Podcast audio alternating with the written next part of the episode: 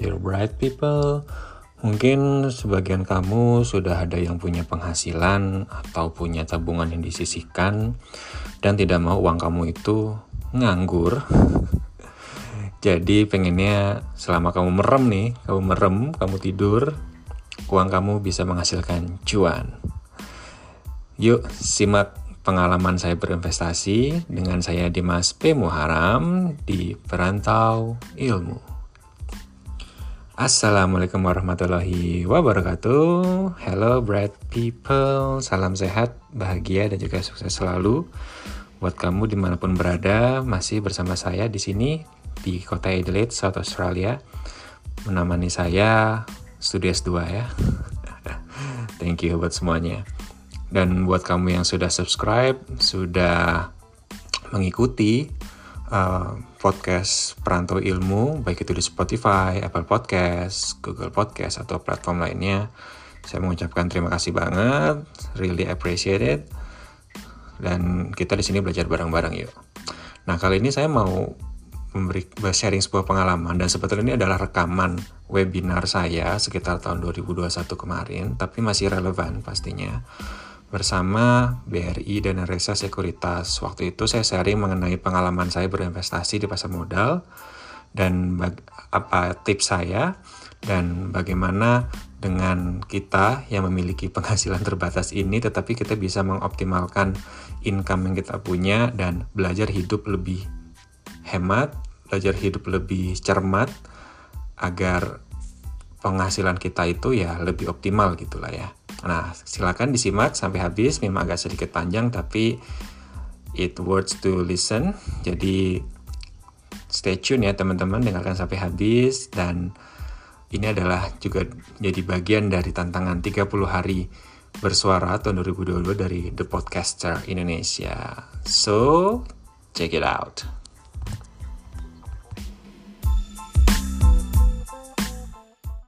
Baik, baik. Uh, Assalamualaikum warahmatullahi wabarakatuh. Selamat malam Bapak Ibu semua. Selamat malam Pak Dimas, Om Marta, dan Bapak Ibu yang sudah menyempatkan waktu untuk hadir di sini. Luar biasa sekali. Mudah-mudahan acara ini tidak sia-sia. Mudah-mudahan bisa apa berdampak positif, memberikan manfaat kepada kita semua. Uh, terus semoga juga sehat selalu uh, untuk Bapak Ibu semua dan kita semua karena kesehatan itu ternyata mahal ya. Kalau udah sakit uh, kalau udah sakit biayanya lebih besar terus yang barangkali ini ada yang lagi isoman atau apa ya kita doakan bareng-bareng supaya uh, cepat sembuh. Pak Dimas saya akan mulai. Mungkin pertama dari dari Pak Dimas dulu nih. Awal-awal kan uh, saya sempat japri ke Pak Dimas ya Pak.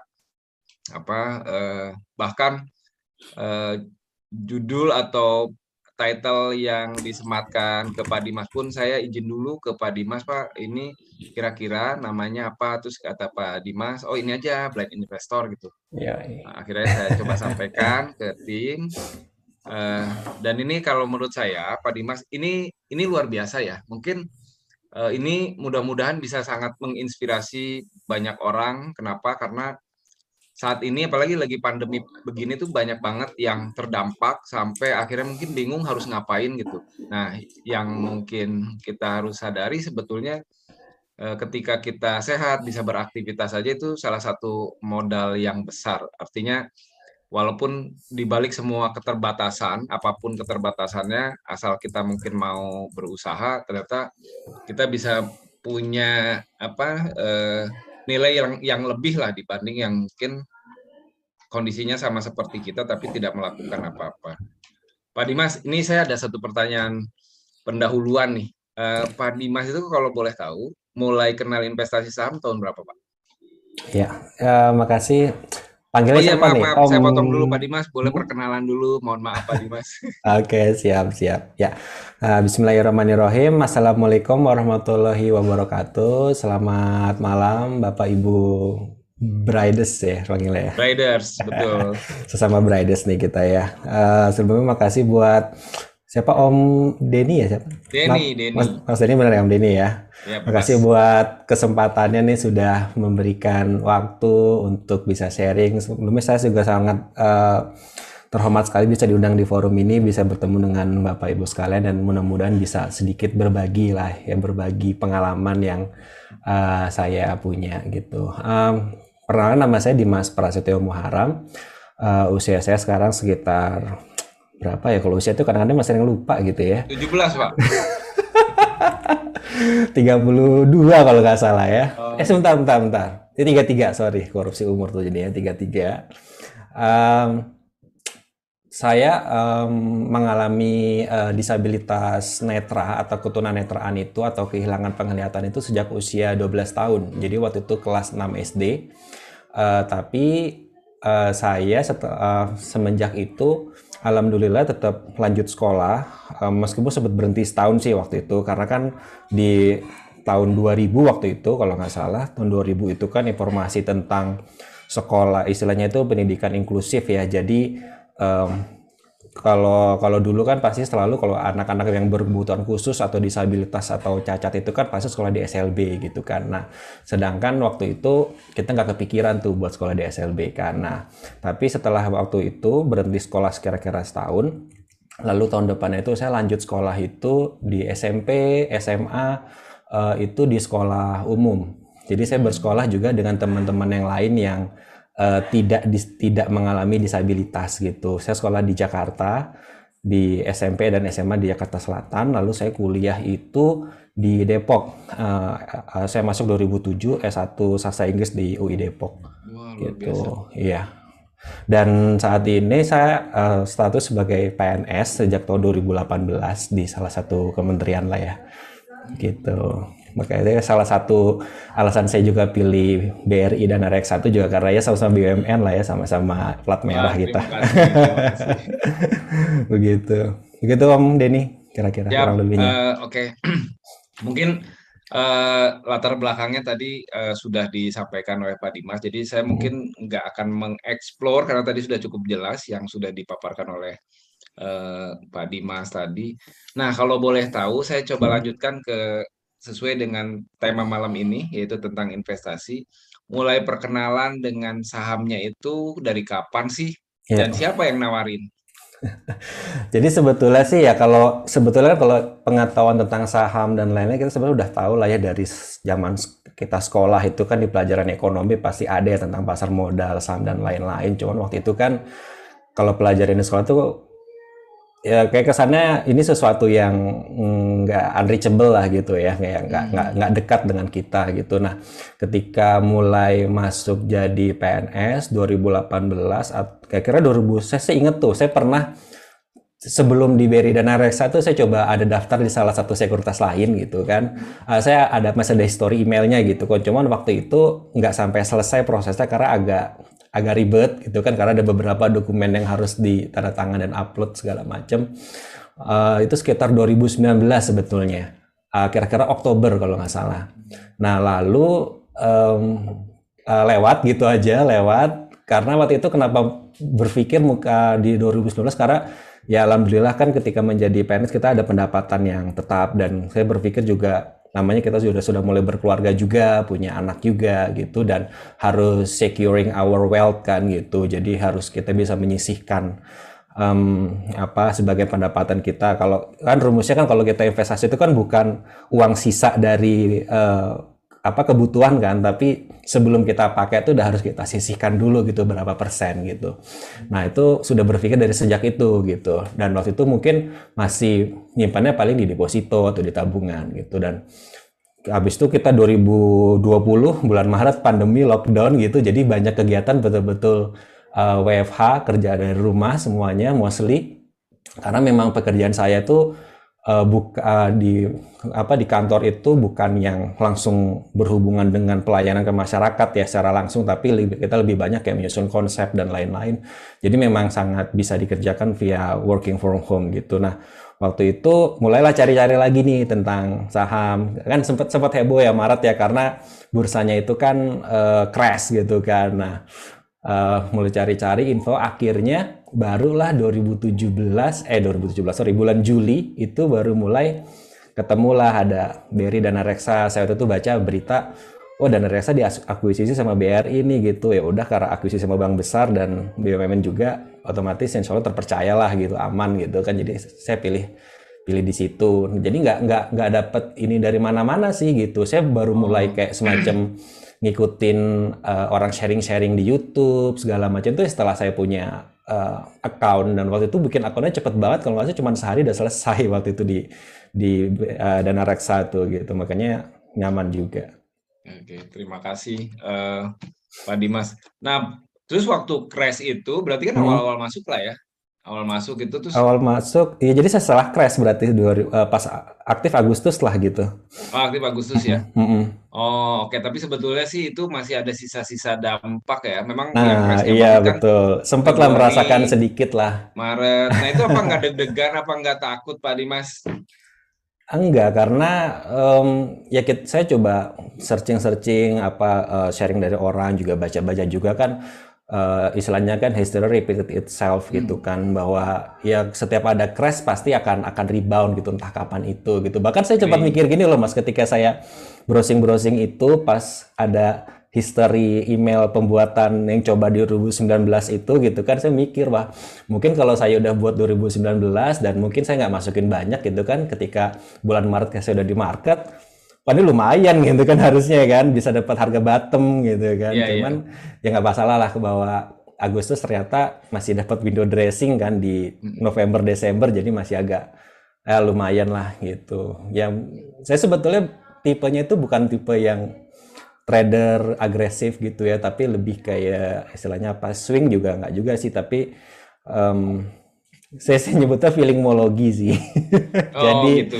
jadi karena saya nggak bisa makanya saya kenapa bilang blind investor jadi blind literally memang karena kondisi saya tunanetra tapi memang blind karena saya nggak bisa baca chart chart itu kan nggak accessible buat saya jadi mm -hmm. buat informasi juga bapak ibu bahwa meskipun saya tunanetra saya juga bisa pakai sekarang pakai pakai komputer kan saya pakai komputer saya pakai handphone pakai iPhone atau Android, itu ada aplikasi namanya screen reading software. Jadi laptop saya itu diinstal software itu, jadi nanti dia akan membacakan apa pun yang tampil di layar. Ketika oh. saya ketik misalnya tombol huruf A gitu ya, dia akan ngomong A, B, C, D, E, F, G gitu kan. Dan ketika saya baca dengan tombol navigasi panah itu juga membacakan per kata per baris. Jadi buat saya dan teman-teman tunanetra lain itu sekarang sangat terbantu sekali dengan adanya teknologi gitu. Nah makanya itu saya bilang tadi meskipun kita ada teknologi itu tapi kita nggak bisa baca chart. Chart itu kan grafik ya. Kelemahan aplikasi itu tuh kita nggak bisa dia nggak bisa baca gambar, nggak bisa baca grafik gitu kan. Jadi ya saya modelnya itu ngamatin aja kayak satu saham nih yang saya amatin diamatin nih kayak wah kayaknya pas turun harga segini dia mentok nih balik lagi balik oh berarti supportnya di sini nih gitu. Jadi ntar kalau udah kelewat saya nggak nggak ngejar gitu. Nanti ketika dia pasti kan bakal balik-balik lagi biasanya kan? Nah ketika balik lagi ke situ saya baru beli gitu. Nanti ketika harganya udah sesuai target saya jual gitu sih. Hmm. tapi dari sisi saham juga sebetulnya inilah ya eh, Pak Dimas selektif juga ya. Maksudnya nggak asal saham jadi ada yang dipelajari terus ada hmm. historicalnya dari dailynya gitu ya. Jadi mungkin bukan feelingmologi juga soalnya kan ada pendekatan yang Pak Dimas lakukan terhadap saham yang apa mau dibeli yeah, itu kan. Yeah. Cuma pendekatannya teknikal ala saya aja sih gitu. Yeah. gitu mas. Tapi kalau apa kan belajarnya lewat YouTube gitu ya terus uh, setiap hmm, pagi juga kita juga kan apa uh, ada yang morning briefing yang yeah, saya ikut itu juga. itu hmm. berarti uh, sangat membantu juga ya Sangat membantu sekali sih ya. Pasti kayak misalnya ada sering dari apa Brits juga sering nge-share kan ada hmm. uh, apa info target saham ini gitu kan ada support resisten itu juga membantu juga sih gitu. Meskipun itu tadi saya uh, biasanya sudah mengalokasikan porto sih kayak ada sekian persen itu buat yang memang kayak semacam core stock saya yang, yang jangka panjang gitu kan. Nah, tapi ada ya small amount gitu ya yang buat iseng-iseng trading gitulah gitu buat kalau misalnya lagi ada waktu buat iseng-iseng gitu. Tapi nggak nggak banyak. Tapi yang paling besar itu buat ini pegang jangka panjang dan yang memang saham yang udah saya amatin nih yang udah saya kenal udah jadi udah baca profilnya. Saya juga pakai RTI gitu kan buat ngecek profilnya pemegang sahamnya berapa persen gitu kan. Wah, kalau luar biasa.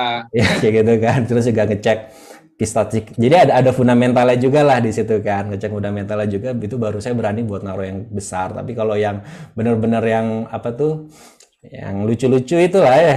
Sama-sama lucu-lucu itu ya. Lucu-lucu ya, itu itu yang itu dikit-dikit aja. Tapi uh, saya terbantu banget tuh ketika waktu itu kan di acara ini ya sharing-sharing ini juga kan nge-share tentang conditional order ya oh iya pak uh, saya nggak tahu ini ini baru atau udah lama ya soalnya dulu kayak ngecek itu nggak ada atau saya nggak ngeh gitu kan. Nah, udah lama pak. Udah lama sebetulnya kan ya. Nah saya baru ngeh itu dan itu terbantu juga tuh ketika misalnya saya yang lucu-lucu tadi itu gitu kan itu agak berbahaya ya, volatile volatile sekali gitu. Jadi ya ketika saya tahu apa saya beli harga sekian saya pasang stop loss gitu ya lumayan lah waktu itu ada yang ada yang aman lah gitu jadinya lumayan itu bagus itu uh, membantu sekali tuh conditional ordernya baik terima kasih uh, ini memang betul sih Pak Dimas apa saya tuh sering ngobrol kebetulan ya mungkin hampir hmm. semua mayoritas orang-orang yang kerja di sekuritas itu juga hmm. kan investor juga atau traders juga gitu ya. Saya kalau ketemu nasabah dari dulu itu saya suka bilang sih bahwa untuk masuk ke pasar modal itu modalnya nggak hanya uang gitu. Iya, yes, betul banget. Modalnya nggak hanya uang, tapi eh, kita juga perlu menyisihkan atau belajar menginvestasikan waktu kita juga untuk belajar gitu. Ya, Bahkan kadang mungkin saya juga sering ketemu nasabah yang ah nggak saya mendingan nanya aja sama Mas Denny gitu ya. Saya sebenarnya kalau ditanya ya akan berusaha jawab, hmm. tapi namanya apa kita mungkin banyak meeting dan lain-lain pasti akan sangat lihat respon. Terus yang kedua saya bilang e, saya lebih apa saya bilang Bapak sebenarnya nanti akan belajar kalau setelah Bapak rugi. Biasanya rugi Ah, nah, Bapak betul, mau belajar betul, dulu atau betul. mau rugi dulu. Nah, kalau rugi dulu biasanya ada dua. Bapak hmm. lanjut, akhirnya hmm. uang itu jadi uang sekolah, atau Bapak berhenti tuh kapok. Saya biasanya kayak gitu tuh Pak Dimas. Iya, cuman kadang-kadang ini juga Mas, kalau kita banyak belajar dulu, bisa jadi efek sampingnya itu adalah dia nggak mulai-mulai tuh takut terus. Ya. Jadi kayak, kayak waktu itu saya juga masuk masuk ya ya namanya kayak semua generasi kolonial kayaknya begitu ya. Jadi kita ikut ada grup-grup yang yang mungkin banyak yang tahu lah gitu yang kadang sering ke pom-pom segala macam. Ya. ya pokoknya saham pertama saya yang beli itu tuh saham keras tuh ya kan. Hmm. Nah itu nggak nggak banyak, cuman paling kayak cuman 10 lot atau berapa gitu hmm. gitu kan buat ngetes. Ya sempat kena itu juga lah, sempat nyangkut tapi kan itu kecil ya. Tapi paling nggak itu jadi pelajaran banget sih gitu bahwa Oh ada, jadi kita bisa mulai memfilter tuh. Dari dari kesalahan-kesalahan itu bisa memfilter bahwa mana yang bisa kita akhirnya saya juga setelah sekarang itu kayak nggak nggak ikut banyak grup jadinya gitu. Paling cuma satu hmm. dua yang memang saya nyaman di situ hmm. gitu. Dan dan akhirnya kita apa lebih banyak ya kita akhirnya ya bener itu sih apa do do your own research juga jadinya gitu kan. Bahwa kita bisa milih saham-saham yang memang kita nyaman dan pasti hati lah gitu. Betul, betul sih. Saya saya setuju sekali. Dan yang tadi Pak Dima sampaikan hmm. bahwa apa uh, memang kalau di, di di di capital market itu kita nggak bisa juga hanya belajar aja ya. Yes. Atau mungkin uh, langsung praktek tapi nggak belajar itu dua-duanya juga sama sih kalau saya sama konyolnya mungkin betul betul saya saya pernah uh, di 2007 apa 2008 gitu ya mm -hmm. saya dari dulu agak rajin ini untuk kegiatan edukasi itu agak rajin ya dari dulu nah dulu itu yeah zaman-zaman yang training teknikal masih jarang banget. Uh-huh. Nah, nah itu nasabah saya itu nasabah saya itu sama-sama belajar lah saya. Terus saya pikir udah trading, saya pikir udah trading. Jadi selama hampir mungkin setiap hari kayak gitu ya, saya yeah. kalau mana nasabah lumayan dekat. Hampir setiap hari diskusi market, diskusi saham dan lain-lain. Ternyata hobinya belajar saya ya. beneran, ternyata uh. eh, si nasabah saya ini dia pakainya uang virtual selama dua tahun itu dan saya baru kaget uh-huh. baru baru tahu setelah dua tahun itu saya bilang terus nah pas mungkin udah dirasa cukup uh-huh. dia baru pakai uang beneran nah, oh uang virtual jadi kayak tuh. demo gitu ya akun demo ya, gitu ya dia baru cerita ah, tuh Pak Dimas uh-huh. ini saya habis rugi gini gini gini gitu Oh ternyata cuma ini.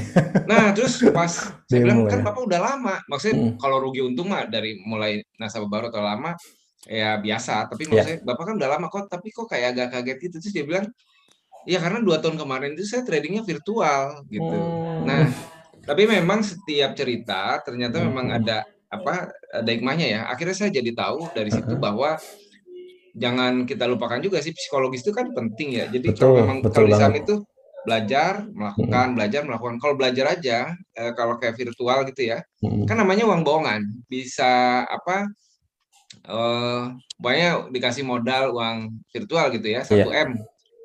Analisa kita udah bagus. Kita berani tuh hajar kanan, set, beli gitu kan. Beli itu sahamnya naik, jual untuk.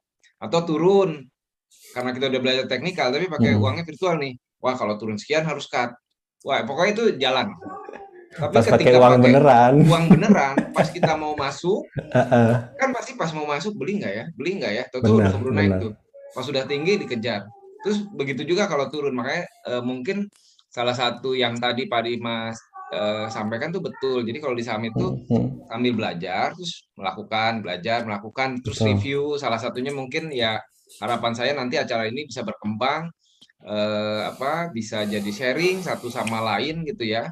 Apalagi di kita itu Pak Pak Dimas di di Bridge itu trainingnya sudah mulai lengkap. Jadi ada training tentang pasar modal. Nah ini yeah. juga penting uh, mungkin bisa disampaikan barangkali ada yang mau belajar silahkan aja masuk ke website. Jadi di situ sebetulnya fondasi kita untuk ke langkah selanjutnya. Karena dari situ uh, kita harus tahu nih goalsnya apa masuk ke pasar modal tuh mau ngapain sih gitu. Itu dari awalnya di situ terus yang lanjutannya tentang sistem. Tadi Pak Dimas sampaikan bahwa ternyata ada beberapa portofolionya yang selamat atau meminimalisir kerugian karena uh, pakai conditional order. Jadi yes, kebayang betul, tuh kalau Pak Dimas nggak menyempatkan waktu untuk belajar conditional order mungkin mm -hmm. itu ya apa jadi iya, Terutama buat ini kamu buat saham-saham yang ya saham-saham yang harga di bawah 200 itu kan naik kalau naik satu tik dua tik dan kita masukin ya. modal agak besar kan enak ya gitu satu tik aja udah satu persen gitu kan dua tik udah dua persen tapi kan kalau turun kan lumayan juga gitu makanya pakai stop order gitu. Tapi kalau saya pasti saham-saham yang memang kayak defensif, yang yang yang market cap-nya besar gitu kan, saya sih nggak nggak pasang biasa kalau turunnya malah average down gitu. Tapi kalau saham yang market cap kecil itu kan uh, harus harus banget itu pakai stop stop loss itu. Oh, oke. Okay. iya. Pak, Pak Dimas sudah sangat inilah ya, maksudnya Uh, sangat mengetahui resiko, mengukur resiko, dan satu lagi tadi Pak Dimas mungkin ini juga informasi buat uh, Bapak Ibu semua. Tadi kan ya. Pak Dimas juga sambil ngebaca data lainnya lewat RTI. Nah, di RTI sendiri juga kita di situ ada salah satu link hmm. yang bisa masuk ke apa ke diwan kita lewat RTI sebetulnya. Jadi bisa nggak bolak-balik tuh. Oh, ada situ Mas ya? Ada, ada oh, Pak. Ada, ya? ada betul. Jadi enak kan bisa lebih hmm, apa lebih mudah. Dan itu cuma uh, kita aja sih cuma beri dana reksa aja. Oh gitu, wah keren dong. Uh-uh. Jadi kan nggak apa iya, nggak iya. nggak perlu bolak-balik. Nah ini tinggal pilih trade, nanti di mm-hmm. trade itu ada dot testing. Hmm, Jadi oh, loginnya situ, betul. Hmm. Saya jarang buka buka klik menu trade sih, cuman market, terus okay. key statistik, profil itu doang sama corporate action. Oke, okay. iya tapi itu nanti bisa dimanfaatkan. Betul betul. Ntar coba, betul mas. Nah ini ada pertanyaan lanjutan lagi Pak Dimas. Ya. Uh, selama investasi, uh, apa hal yang paling nggak mengenakan nih? Nggak mengenakan ya? Pasti ada lah ya. Nah, uh. Yang nggak mengenakan ini sih ketika kita udah itu tadi ya Mas karena masalah Pokoknya mah bener banget sih kata Om, Om Denny juga bahwa hal paling penting itu ya selain knowledge juga psikologi itu penting banget sih kayak paling nggak mengenakan kalau itu kita udah pantau nih ada saham yang menurut kita uh, secara fundamental pernya kecil, PBV hmm. juga lumayan gitu kan dan dan profitable bagus gitu kan. Kita udah pantau-pantau tapi kita belum mulai masuk nih gitu kan. Nah, kayak karena ngecek saya kalau gitu biasa sambil ini mas setelah saya dapat yang itu terus saya biasanya sambil uh, masukin di YouTube atau di Google jadi biar mau dengerin apa namanya karena saya kan belum tahu sih atau nggak nggak kebaca kali ya kayak ngecek historical price-nya juga uh, mungkin nggak accessible nggak kebaca juga. Jadi saya apa dengerin aja YouTube orang-orang pas bahas misalnya tahun berapa dia ngomongin harganya sekian gitu. Oh berarti per harga sekian nih gitu kan. Um, terus saya, saya pengen ah cepat juga turun lagi deh gitu. Tapi kalau ternyata nggak turun terus malah naik itu yang ngeselinnya di situ sih sebetulnya. Udah tahu murah tapi itu malah ketinggalan gitu. Tapi saya biasanya kalau tinggal gitu saya nggak nggak nggak pernah nggak mau FOMO sih gitu. Tapi oh. udah cari yang lain aja sih gitu. Hmm. Uh, toh masih banyak iklan ikan di laut kan ya. Iya, uh, itu kayaknya ini ya menjengkelkan tapi penyakit umum yang dirasakan banyak orang mau yang baru maupun yang lama tapi mungkin kalau yang apa yang yang apa yang sudah lama gitu ya nanti lama-lama gondoknya akan semakin mengecil sih walaupun nggak hilang-hilang banget. Betul, betul. Karena kan betul. kita juga ini ya manusiawi lah ya, namanya -hmm. atau pas market lagi bagus kita nggak sempat beli apalagi udah ngincer gitu ya. Iya gitu. Makanya paling saya sekarang udah mulai nih saya oh ada watchlist kan di RT juga saya masuk masukin watchlist gitu oh. kan biar bisa oh. amatin gitu gitu sih paling. Hmm. Saham hmm. favoritnya Pak Dimas kalau boleh tahu dari hmm. sektor apa Pak Dimas? Ya, kalau sekarang pasti sektor tech lah ya. Oh, kalau sekarang ya, ya kemarin lah ya. Hmm, baru masuk ini sih, maksudnya sebelum ini kan sektor teknologi itu kan banyak teknologi, cuman kan ya perusahaannya itu sebetulnya nggak tech-tech banget gitu kan. Hmm. Nah baru kemarin saya ikut uh, IPO buka juga melalui British apa BRI dan Reksa juga kan gitu, dapat lumayan lah waktu itu. Jadi masih keep lah sampai sekarang gitu. Oh masih keep ya? Masih keep, masih keep. Malah kan kemarin pas turun sempat nambah-nambah lagi dikit lah gitu. Oh. Uh, gitu. Jadi, Maksudnya soalnya apa ya? Ibaratnya saya dapat kayak semacam uh, apa ya? Kita barangnya tahu gitu, ada aplikasinya tahu, prospeknya juga kita tahu gitu. Menurut saya sih kesempatan langka banget bisa dapat harga IPO gitu loh. Meskipun nanti hmm. bakal turun, bakal naik gitu kan. Uh, tapi ya maksudnya ntar akhirnya saya ini sih mas kalau saya tuh begini biasanya. Misalnya udah dapat harga IPO nih gitu. Ntar misalnya taruhlah taruhlah ya taruhlah. Saya kemarin nggak nggak nggak jual juga sih. Misalnya pas kemarin arah dua kali saya jual gitu. Nanti misalnya turun nih sampai seribu gitu. Saya biasanya nggak bakal mau masuk lagi. Kan sudah secara psikis kita udah masuk udah udah berpikir gini bahwa saya pernah dapat harga 850 gitu. Saya harus masuk lagi harga seribu gitu. Jadi kalau nanti turun lagi kan saya loss gitu kan. Jadi saya nggak oh, jadi saya apa mindset saya begitu sih gitu. Agak susahnya nggak bisa di nggak bisa dikompromi kayak gitu gitu. Jadi kayak misalnya saya udah beli IPO terus arah beberapa kali saya jual gitu kan meskipun dia turun atau ini saya nggak mau beli lagi kan saya udah merasa pernah dapat harga yang murah gitu kok saya harus beli yang mahal gitu. Gitu. Nah kalau tadi kan hal yang kurang mengenakan ya. Hmm. nah nah selama Pak Dimas investasi hal yang paling bikin Pak Dimas happy lah yang apa eh, hmm yang menyenangkan lah kebalikan dari yang tadi. Apa tuh?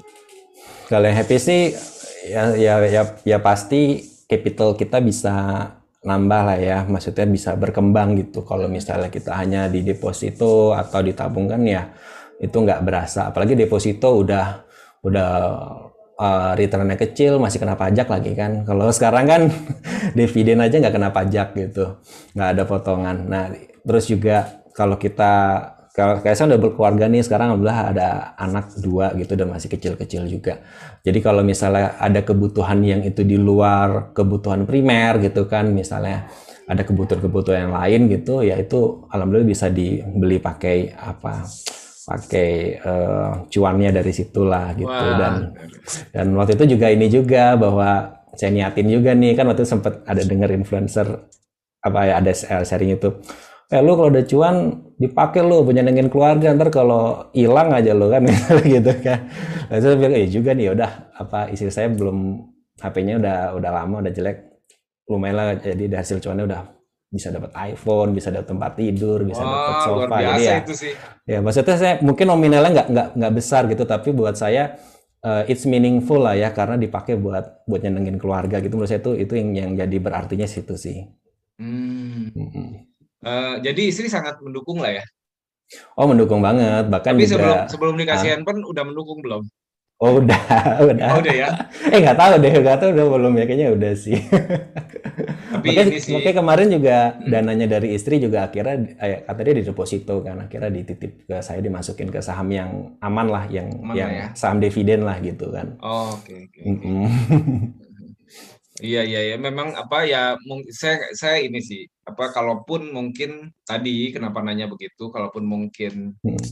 ternyata belum tertarik atau belum setuju ya itu juga wajar sih karena nggak tahu juga kan apa uh, uh, tapi saya saya ajak ngobrol juga pasti kayak misalnya beli saham apa nih gitu. Misalnya saya saya ini saya panggil saya kasih tahu ini gitu segala macem gitu. Jadi emang saya ajakin ngobrol aja meskipun juga mungkin nggak terlalu paham juga tuh. Cuman kan at least ya buat teman ngobrol kan gitu. Awal-awal biasanya gitu apa uh, hmm. tapi ini pengalaman saya sendiri mungkin yang hampir uh. sama nih sama Pak Dimas gitu. Uh. Dilarang sih nggak dulu ya, dilarang sih nggak tapi memang cuek. Saya udah arahin kayak gitu-gitu. Tapi hmm. lama-lama hmm. ternyata uh, mungkin uh, kayaknya pencerahan dari orang jauh lebih lebih gampang diterima dibanding suaminya. Jadi buka rekening, terus uh, trading. Nah trading kan ternyata uh, profilnya tuh beda-beda lah. Nah, Betul. Nah lama-lama kalau kita udah sama-sama trading, diskusinya lebih nyambung, lebih enak. Ah, gitu kalau, ya. kalau belum tuh agak beda. Saya tahu, saya bisa nebak, pokoknya gini. Oh ya Pak Dimas uh, lagi turun gitu ya, kan itu agak-agak mungkin ya walaupun nggak kenapa-napa, tapi ya Ya bete-bete dikit lah gitu. bete-bete dikit ya, pas bete dikit cerita ke istri, istri nggak ada respon. Uh, Itu nggak seru kan? Ada begitu juga ketika Pak Dimas apa dapat untung besar banget gitu ya, Pak Ah, Dimas ah. antusias cerita istri datar gitu. Kecuali pas tarik duit. Ah, Mungkin kalau tarik duit sih baru antusias. iya, pas Nah. sudah nggak jadi floating profit lagi ya, udah realisasi Betul. baru ya. Betul. Nah, berubah itu ketika berubah itu ketika sama-sama mulai investasi. Jadi jadi benar-benar bisa diskusi tuh, bisa diskusi sama apa yang bagus atau kadang-kadang saling mengingatkan. Makanya Gitu. eh, kan kita sama-sama apa ya time frame-nya mungkin agak beda dikit tapi nggak nggak terlalu beda jauh ya. Awas lu itu nanti bukan awas lu, awas nanti kalau udah Nah. untung jangan lupa targetnya sesuai sekian sekian sekian sekian gitu. Nah kalau kalau lupa kelupaan kadang-kadang lumayan tuh Pak di- diceramain tapi tapi senang maksudnya kita bisa jadi jadi sharing sharing bareng gitu. Iya betul. Kayak dia kan juga ada dananya nitip di saya juga kan. Jadi ya sering Oh. nanya-nanya naik nggak batu bara naik nggak misalnya gitu kan. jadi buat bahan-bahan ini aja. Jadi bisa buat obrolan lebih ke situ sih jadinya. Hmm, dari lingkungannya Pak Dimas, baik Hmm. uh, di kantor nih, di kantor ada lagi nggak yang sama-sama investasi kayak gitu-gitu? Eh, belum sih ya, kayaknya belum sih. Saya udah sempet tawar-tawarin juga sih gitu. Cuman kayaknya Oh. masih belum ya karena em, apa namanya kalau kalau kayak gini kan ibaratnya kayak eh, silent activity lah gitu ya. Jadi kita kan nggak nggak perlu banyak ini gitu kan. Tapi kalau ada yang nanya pasti saya saya ajakin, saya terangin gitu sih Oh. gitu. Uh, uh. Kadang-kadang saya kasih sering share link-link juga, kadang-kadang gitu. Cuman ya Hmm. karena kan orang kadang-kadang investasi beda-beda kan, ada yang mungkin dia maunya di emas gitu kan atau di ini gitu. Cuman kebanyakan tetap mereka punya investment sih, Hmm, nggak semuanya di situ. Ha. betul. Eh, ini sih kenapa saya tadi nanya seperti itu. Ya biasanya sih di kantor suka ada satu dua. Mungkin sebetulnya udah ada tapi masih sama-sama tertutup. Dan kebetulan apa Apa? kebetulan di apa BRI Oh, dan Alexa. Sekuritas itu sekarang punya ini Pak Dimas. Mhm, Kita punya mhm. program namanya Candu. Candu itu tuh? sebetulnya singkatan Nah. pernah di share juga di grup Ha. apa education on demand eh, YUX gitu. Ha. Jadi jadi mungkin kalau sebelum-sebelumnya kan eh, ada eh, perusahaan yang aduh saya pengen ini karyawannya Hmm, hmm. diedukasi kayak gitu-gitu tapi bingung nih mau ke mana gitu. Nah, di Hmm. kita tuh ada formatnya. Jadi ada Hmm. formatnya tinggal ngisi form aja, form pendaftaran. Form Ya. pendaftaran itu buat apa eh, konfirmasi kapan mau di trainingnya dan itu sifatnya free. Nanti nanti eh, dari trainer kita akan menyiapkan eh, dari kita akan menyiapkan trainer dan eh, Zoom Zoom Hmm. kita juga gitu. Jadi ini mungkin informasi juga sih sekalian iklan Pak Dimas mumpung lagi banyak yang ngedengerin ya kan. Jadi kalau ada Pak di tempatnya Pak Dimas di instansinya Pak Dimas nih kan biasanya suka ada kegiatan hampir di semua kantor suka ada kegiatan culture nih. Biasanya ada setiap hari apa gitu ya diisi finansial atau apa itu boleh Hmm. ngundang boleh ngundang kita lewat program education on demand itu dan itu free dan apakah harus semua buka rekening enggak itu isinya pengenalan produk pengenalan pasar modal dan manfaatnya banyak salah satunya adalah eh, setelah ikut itu ya salah satu manfaatnya adalah kita jadi tahu nih saham itu resikonya apa benefitnya apa terus ternyata akhirnya jadi tahu nih mana Hmm. investasi bodong mana bukan Betul betul gitu. menarik sih mas. Jadi Sisanya kayak capacity building ya gitu ya. alhamdulillah betul Hmm, hmm, hmm, hmm. karena di Indonesia kan banyak sekali ya apa mungkin sampai sekarang itu orang yang terjebak di umpamanya skema Ponzi di investasi Yes. bodong gitu. Betul betul. kalau rugi karena bisnis atau rugi karena mereka investasi beli saham terus rugi itu sebetulnya hal biasa lah apa semua semua lini bisnis itu kalau yang sifatnya bisa mendatangkan keuntungan pasti juga ada apa ada ada resiko juga lah ya terus eh, apalagi ya saya mau nanya eh, harapannya Pak Dimas nih ke depan kira-kira apa nih Pak. Dimas ya buat bridge juga atau mungkin juga yeah. mungkin Pak Dimas punya target sendiri nih di di capital market ini. Iya. Yeah. Um, kalau harapannya sih buat Bridge sih saya berharap ini sih ya kalau um, mudah-mudahan ke depan sih untuk pengembangan aplikasi atau sistemnya itu bisa lebih aksesibel ya kayak kayak kalau so far tuh saya yang paling merasa nyaman tuh aksesibel buat saya itu kalau pakai versi web jadi saya pakai yang di apa tuh uh, di one yang web web web version ya di situ gitu nah untuk aplikasi sih um, saya udah download juga sih gitu cuman at least saya bisa pakai lah buat buat buy buat ini cuman uh, saya nggak belum merasa itu uh, fully fully accessible gitu buat yang uh, blind user gitu. Jadi hmm. mungkin karena saya itu sempat dengar kan dari Bu Dirut juga kan sempat sharing di salah satu videonya itu juga bahwa akan ngembangin uh, sistem di one yang aplikasi gitu. Nah mungkin saya berharap bisa itu juga sih untuk dilihat sisi aksesibilitasnya gitu karena saya juga aktif juga di komunitas teman-teman yang disabilitas juga gitu dan memang so far itu teman-teman itu sering ketika kendalanya itu ketika mereka mau uh, ya investment lah atau mencari penghasilan tambahan itu adalah di sisi aksesibilitas kadang-kadang soalnya kan begini kalau saya pribadi kenapa pilih saham ini kan karena itu ya mas buat saya ini betul-betul bisa full manage dan full control kan. Jadi saya punya aset, saya bisa full control dan saya bisa kembangkan gitu. Beda kalau misalnya saya misalnya taruh ya saya ber, ber, berkaca juga sama orang tua saya. Si orang tua saya sebetulnya bukan dari keluarga yang berada juga gitu kan, tapi orang tua saya dulu kerja bisa ngumpulin, bisa punya karena karena bukan pegawai gitu jadi nggak punya pensiunnya di pensiunan dari kontrakan gitu kan. Tapi ternyata buat ngurusin itu kan maintenance sananya ribet ya. Sedangkan saya punya keterbatasan nah ketika hmm. di saham ini saya bisa cuman kontrol semuanya dari laptop gitu kan saya merasa nyaman sekali gitu jadinya. Jadi berharap itu sih bisa lebih aksesibel sih ke depannya. Untuk target saya sendiri ya saya pengennya ya um, bisa sampai inilah bisa aktif sampai uh, yang meskipun market kita nggak tahu ya ke depannya bagaimana tapi bisa berkembang aset saya terus juga cita-cita saya juga pengen bisa punya uh, rumah sendiri lah yang layak buat keluarga saya gitu Amin. kan sekarang. Ah gitu. Yes, uh, itu itu dulu sih target target terdekatnya itu dulu sih gitu sebetulnya. Baik, uh, wah terima kasih. Ini apa uh, berarti sangat apa jadi pemerhati bridge banget ya tadi Bu Dirut kita menyampaikan terkait dengan aplikasi aja eh, Pak Dimas sampai tahu. Memang betul Pak, kita lagi lagi ada improvement. Nanti harapannya sih nanti bisa inilah everybody happy, semua bisa nantinya bisa jauh lebih maju dan mungkin di luar dari aplikasi-aplikasi juga pengembangan edukasi dan lain-lain yang hmm. tidak kalah penting juga sudah mulai kita lakukan. Termasuk juga mungkin forum-forum ya seperti ini ya yang menurut saya ya. Uh, ini harapannya bisa bermanfaat apa buat semua lah.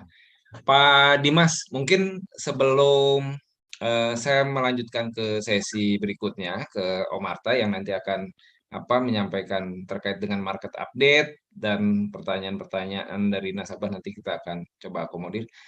Ada pesan yang mau disampaikan mungkin buat investor, buat teman-teman, silahkan buat ini. Pesannya, apa kira-kira? ya makanya buat bapak ibu gitu um, apa ya yakinlah bahwa investasi di pasar modal itu ya asal kita ada ilmunya terus juga kita bisa memanage psikologi kita dan kita bisa mencari uh, strategi yang nyaman ya yang nyaman sesuai dengan profil kita insya Allah sih selalu akan ada cuan lah dan yakin juga lah bahwa kalau saya aja bisa sambil merem dapat cuan masa bapak ibu bisa pasti bisa lebih banyak lagi lah ya. Oh luar biasa. Sambil merem bisa dapat cuan ya merem ya? dapat cuan gitu oh, meskipun merem nggak merem sama aja sih gitu. kenapa kenapa? Meskipun merem nggak merem sama aja sih. Nah ini kalau tadi saya coba apa uh, saya coba catat yang penting-pentingnya banyak banget yang penting ya. Yang pertama tadi uh, saya coba sedikit rangkum ya. Jadi menurut Pak Dimas itu kalau mau investasi jangan uh, jangan sisa setelahnya tapi memang disisahkan disisihkan di awal gitu. Terus yang kedua kita ketika kita mulai investasi jangan lupa juga belajar. Cuma jangan hanya belajarnya aja tapi memang apa harus mempraktekkan. Terus yang berikutnya yang tadi Pak Dimas sampaikan juga nih terkait dengan psikologis trading. Jadi itu juga sangat sangat penting. Jadi mau mau analisanya sebagus apa pun mau udah jago teknikalnya tapi psikologisnya mungkin nggak bagus nggak nggak dilatih gitu ya. Itu kalau saya sih itu lebih ke dilatih ya. Itu juga akan apa uh, bikin berantakan. Terus tadi saya coba kalimatnya jadi saya ganti lah ya. Tadi itu Pak Dimas kalau mau beli sesuatu Pak Dimas suka menganalisa dulu. Nah mungkin uh, ini juga buat Bapak Ibu semua ketika kita di investasi saham uh, apa biasakan mungkin bikin trading plan ya Pak Dimas ya. Atau Pak Dimas tuh kayak tadi tuh dia melihat dulu apa gitu lewat FTI pokoknya jangan sampai beli sesuatu itu eh, nggak ada dasarnya. Jadi kalau ada dasarnya yang tadi Pak Dimas sampaikan jadi punya juga batasan eh, kenapa kalau turun harus dilepas atau kalau naik sekian kayaknya udah gitu ya jadi mungkin saya menyanggah nih apa uh, ucapan yang tadi Pak Dimas sampaikan bahwa Pak Dimas pakainya feeling. Saya bilang enggak karena Pak Dimas menganalisa. Cuma mungkin apa metodenya aja yang berbeda uh, satu sama lain ya Pak Dimas ya. Jadi bukan feeling. Kalau feeling tuh gini, kalau feeling tuh Pak Dimas tuh cuma beli, nggak tahu hmm. mau ngapain. Pokoknya beli kalau kalau naik jual ya kalau untung berarti apes. Kalau Pak Dimas ini mempelajari sahamnya. yeah. Terus oh kalau turun sekian walaupun kadang-kadang telat bikin Pak Dimas hmm PT ya gitu. Tapi tapi setidaknya Pak Dimas sudah menganalisa dulu gitu. Betul, betul, betul. Uh, Pak Dimas, terima kasih banget waktunya. Mudah-mudahan nanti bisa tetap lanjut ikut ini ya, apa uh, uh, update market dari Om Chandra. Jadi nanti kalau ada yang mau sekalian Siap. ditanyakan juga nggak apa-apa. Saya coba Siap. cek ini dulu ya, apa barangkali ada pertanyaan yang dialamatkan ke Pak Dimas. Wah, banyak yang ini Pak Dimas, banyak yang mengucapkan uh, selamat, uh, salut buat Pak Dimas, tetap kreatif uh, trading gitu. Amin, ini amin. Sama-sama Bapak Ibu. Pak Ahmad Murianto, saya agak uh, agak kurang jelas nih. Pak Ahmad Murianto tuh laptop saya ada suara tapi tidak ada gambar apa bapak-bapak yang lain. Oh, mungkin maksudnya suara zoomnya ya. Mungkin Pak Ahmad kalau masih ada gitu boleh open mic gitu. Saya takutnya mau ngejawab takut salah takutnya bukan nanyain tentang zoom ya nanti kalau ada sebelum uh, lanjut ke sesinya Om Marta ya boleh nanti tinggal ini aja Oke, ini Pak Zul Fahmi, Pak Zul Fahmi nanti nih, ini Om Marta kayaknya harus jawab. Maaf kalau analisa saham DMMX gimana ya? Oke, nanti Om Marta. Yang nggak ada tombol selnya itu ya? Nggak ada tombol selnya ya? Tombol selnya hilang katanya itu sama ya. Oke, saya coba cek. Oh ini ada Pak Bisto. Kalau tidak salah dengar tadi bahwa di RTI dapat diakses dari Dewan. Boleh info nggak caranya? Oh tadi ini Pak uh, Pak Bistok, uh, kan di RTA itu ada ada banyak ini ya, ada market. Bapak pilih trade, nanti di trade itu diklik, nanti ada dot testing. Nah, itu di dot testing itu ada apa uh, kita diarahkan untuk bisa login ke D1. Jadi, jadi bisa uh, bisa sekalian ngebaca data yang mungkin untuk melengkapi yang ada di D1 sih. Oke. Ibu ya, Ibu kalau mau dengerin suara aplikasi HP saya kayak gini nih. Oh gimana? Boleh boleh boleh boleh. Nih. Boleh. Ini saya buka RT, RTI kan. Ya. Ada trade, market. Ini kedengeran ya? Ada suara-suara gaib gitu. Kedengeran. Watchlist, movers. Nah saya biasanya buat ngecek ini nih, buat ngecek apa uh, foreign flow cuma dari sini aja nih, dari movers. BBCA, Volume, 1D, button, net foreign buy, Nah, net foreign buy. Oh, hari ini bukan net foreign buy ya? 1D, Buka, Volume, nah, BBCA, Volume, BBCA, BBRI, Volume, turnover, name crack high Indonesia TBK, 95.3, CI, Volume, turnover, nah, terus juga tadi di nah, misalnya ngecek volume, BBRI, volume, BBRI, saya ngecek buka kan ada harganya di sini. Eh, BPCA 32.000 sekian. Oh, profile. Kayak gitulah. Jadi suara-suara ini ini saya pakai iPhone kan di Android juga ada namanya Talkback kalau di Android nama aplikasinya. Oh. Talkback apa pak Okay. BACK itu oh, ada di menu ya. setting accessibility itu ada di situ jadi buat yang teman-teman yang tunanetra itu pakai seperti itu kita Nah, gitu Terima kasih Pak Dimas. Mudah-mudahan ini juga apa eh, nanti kan ini kalau nggak salah ada live di YouTube juga nih. Mudah-mudahan banyak yang nonton terus juga mungkin ada yang tadinya belum bisa trading, kebetulan apa uh, punya keterbatasan seperti yeah. Pak Dimas, uh, tapi punya kelebihan lain yaitu semangat dan kemauan. Nah, pas tahu oh ternyata ada aplikasinya nih. Jadi bisa nanti bisa seperti Pak Dimas nih trading, tapi juga belajarnya harus kayak Pak Dimas lah ya. Betul, harus rajin. Baik, terima kasih Pak Dimas atas waktunya. Sehat selalu. Amin, sama-sama. Uh, tadi banyak sekali nih yang mengucapkan apa?